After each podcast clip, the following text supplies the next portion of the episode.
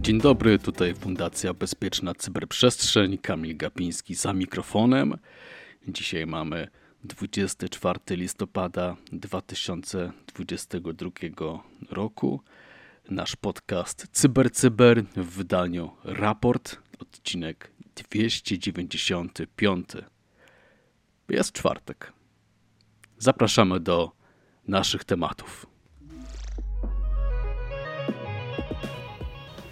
Uwaga na X-File Manager, fałszywego menadżera plików w Google Play. Gracze narażeni na kryptominery i kradzież danych.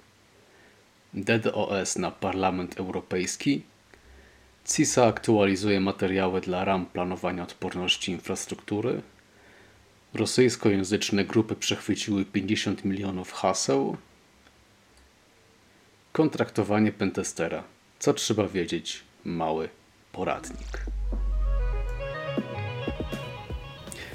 Trojan bankowy na Androida, znany jako Sharkbot, po raz kolejny pojawił się w oficjalnym sklepie Google Play, tym razem udając menadżera plików, no, w celu oczywiście e, ominięcia restrykcji e, w samym sklepie Google Play.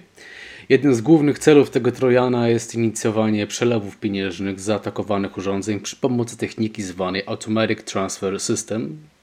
Transakcja uruchamiana za pośrednictwem aplikacji bankowej jest w tym przypadku złośliwie przechwytywana i zamienia konto odbiorcy płatności na konto kontrolowane przez cyberprzestępcę. Sharkbot jest w stanie wyświetlać fałszywą nakładkę logowania, gdy użytkownicy próbują uruchomić prawdziwe aplikacje bankowe – no, oczywiście kradnie przy tym um, istotne dane uwierzytelniające. Fejkowe aplikacje tego typu oferują pozornie nieszkodliwe funkcje. Tutaj akurat e, mamy do czynienia z menadżerem e, plików, ale są także narzędzia czyszczące e, dysk, pamięć w telefonie. Może to być też oprogramowanie antywirusowe. Usunięte aplikacje wraz z ilością pobrań to X-File Manager ponad 10 tysięcy pobrań, File Voyager ponad 5 tysięcy pobrań, Little Cleaner M ponad 1000 pobrań. Przy czym należy zwrócić uwagę, że Little Cleaner M jest nadal dostępny do pobrania w zewnętrznym sklepie z aplikacjami o nazwie AppXos. Gracze i wysoko uprzywilejowani użytkownicy Windowsa są narażeni na fałszywe portale pobierania MSI Afterburner, które infekują malwarem do wydobywania kryptowalut oraz infostealerem Redline. Często właśnie o Redline ostatnio mówimy w naszych newsach. E, dzisiaj też kilka razy jeszcze o nim wspomnimy. No a sam MSI Afterburner to jest narzędzie GPU, które umożliwia konfigurowanie taktowania, tworzenie profili wentylatorów, wykonywanie przechwytywania wideo oraz monitorowanie temperatury zainstalowanych kart graficznych i wykorzystanie e, procesora. Stąd tutaj właśnie uwaga e, do graczy. Według nowego raportu firmy Cybel w ciągu ostatnich trzech miesięcy pojawiło się w sieci ponad 50 stron internetowych podszywających się pod oficjalną stronę MSI Afterburner. No i po uruchomieniu właściwego pliku instalacyjnego e, MSI Afterburner e, w momencie, gdy legalne e, Afterburner jest zainstalowane, instalator w tle uruchomi również złośliwe oprogramowanie Redline, oraz koparkę waluty Monero na zaatakowanym urządzeniu.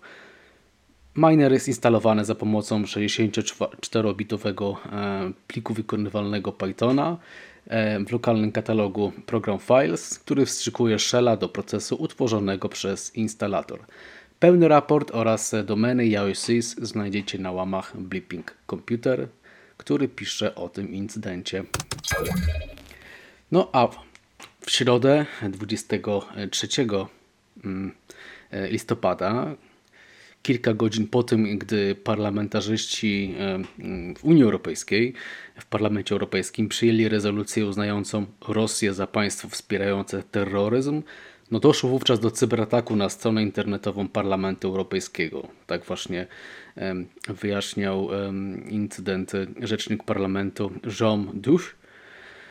Do ataku przyznała się grupa Killnet, o której e, ostatnio także wspominaliśmy mm, w naszych materiałach, w naszych podcastach. Inne źródło mówi o tym jeszcze, że ten atak był najbardziej wyrafinowanym w najnowszej historii e, cyberataków na Europejski Parlament. Strona internetowa parlamentu przestała działać po tej operacji. Amerykańska Agencja Bezpieczeństwa Cyber i Infrastruktury ogłosiła w tym tygodniu dodanie nowych narzędzi i wskazówek do ram planowania odporności infrastruktury. Tutaj coś dla e, menadżerów i dla osób zajmujących się analizą e, ryzyka, analizą ciągłości działania i infrastrukturą krytyczną. E, w skrócie IRPF, te ramy się nazywają. No i ten IRPF jest przeznaczony dla podmiotów stanowych, lokalnych, terytorialnych, które według CISA chcą uwzględnić w swoich planach bezpieczeństwo i odporność infrastruktury krytycznej w obliczu ewoluujących zagrożeń. Zaktualizowane IRPF zawiera teraz nowe narzędzie do identyfikacji infrastruktury krytycznej w postaci przewodnika Datasets for Critical Infrastructure Identification. Tak? Czyli mamy taki właściwy słownik, mamy mm, informacje, e, czego szukać, jeżeli jesteśmy w procesie identyfikowania e, krytyczności, jeżeli chodzi o infrastrukturę. Aż 34 rosyjskojęzyczne grupy dystrybuujące oprogramowanie kradnące informacje w ramach malware czy stealer as a service przechwyciły co najmniej 50 milionów haseł w pierwszych miesiącach 2022 roku. No, ukradli hasła m.in. do Amazona, PayPala, do portfeli kryptowalutowych czy kont gamingowych. Podziemna wartość rynkowa skradzionych logów i przejętych e, danych kart jest szacowana na około 5,8 miliona dolarów. Ocenia firma Group IB z siedzibą w Singapurze w raporcie udostępnionym dla Hacker News. Oprócz kradzieży haseł złodzieje przeli również 2,11 e, miliarda plików cookie, 113 tysięcy portfeli kryptowalutowych i ponad 100 tysięcy kart płatniczych. Większość ofiar znajdowała się w Stanach Zjednoczonych, a następnie w Brazylii, Indiach, Niemczech, Indonezji, Filipinach i w kilku jeszcze innych e, państwach, również w Europie. Mm, łącznie w tym okresie zainfekowanych zostało ponad 890 tysięcy e, urządzeń w 111 krajach. Te grupy są czy były aktywne w Telegramie, e, mają średnio około 200 członków, mają jakąś swoją hierarchię e, korporacyjną, składają się z administratorów i pracowników lub e, właśnie handlarzy tymi danymi. Ci ostatni właśnie są odpowiedzialni za operacje socjotechniczne skłaniające do pobrania infostealerów, jak, takich jak właśnie wspomniane wcześniej Redline czy Raccoon. No i robią to poprzez tworzenie, e, jak żeby inaczej, stron e, witryn phishingowych podszywających się pod znane firmy i nakłaniają ofiary do pobrania złośliwych e, plików. Linki do tych stron są z kolei osadzane w recenzjach filmów YouTube dotyczących popularnych gier i loterii w mediach społecznościowych. Wczoraj też mówiliśmy właśnie o wykorzystywaniu Facebooka, a raczej reklam facebookowych do dystrybucji malware'u czy link do e, stron phishingowych.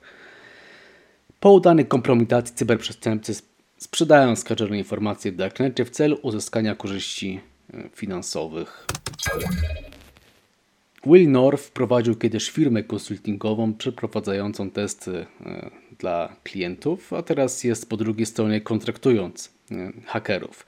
W ciągu ostatnich kilku lat zlecił prawie 30 testów. Kilka punktów tutaj przygotowaliśmy z tego małego poradnika do zastanowienia i wzięcia pod uwagę. Tutaj zwłaszcza menadżerowie mogą e, posłuchać.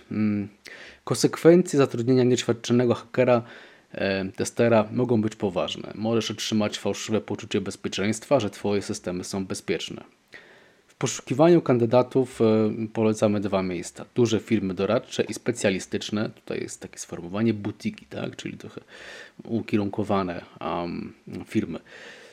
Firmy konsultingowe mają zastrzeżenie tutaj. Często są drogie, mogą pobierać prawie 2000 funtów dziennie. Ich model operacyjny oznacza również, że do wykonywania większości prac często zatrudniają stosunkowo niedoświadczony personel. Butyki mogą oferować bardziej opłacalne usługi, minusem jest zmienność personelu. Szanse na nietrafiony kontrakt są zatem większe. Jeśli chodzi o kwalifikacje testerów, warto zwrócić uwagę na certyfikaty CREST, GIAC lub CZEK. Natomiast tutaj autor, e, z kolei inny autor przestrzega, nawet najbardziej imponujące CV może nie być wiarygodnym wskaźnikiem. Nie traktuj certyfikatów jako złotego standardu. Powód jest bardzo prosty. Każdy się może uczyć, ale chodzi o zrozumienie i zastosowanie wiedzy w praktyce. No i to jest jakby e, bardzo istotne, ponieważ tak naprawdę uzyskanie certyfikatu to jedno, a jakby nauka e, we własnym zakresie to oczywiście e, to jest, to jest druga sprawa. Zapał do rozwiązywania problemów, do przełamywania zabezpieczeń i podnoszenia kwalifikacji we własnym zakresie. Tutaj e, także e, wskazał e, jeden z autorów, że powszechnym problemem jest oszustwo, jeżeli chodzi o to, co deklarujemy w CV. Spróbuj, to jest już ostatnia rekomendacja, spróbuj zrozumieć mindset pentestera. Na przykład, czy kandydat bloguje o kwestiach związanych z cyberbezpieczeństwem, jak radzi sobie na zewnętrznych platformach weryfikacyjnych, takich jak Hack the Box, Dobrzy kandydaci mogą też pisać własne aplikacje, aby ulepszyć już gotowe produkty, z których często korzysta community. Czy właśnie dana firma, czy ludzie, którzy są w niej zatrudnieni, mają takie doświadczenie? Warto według tego poradnika to sprawdzić.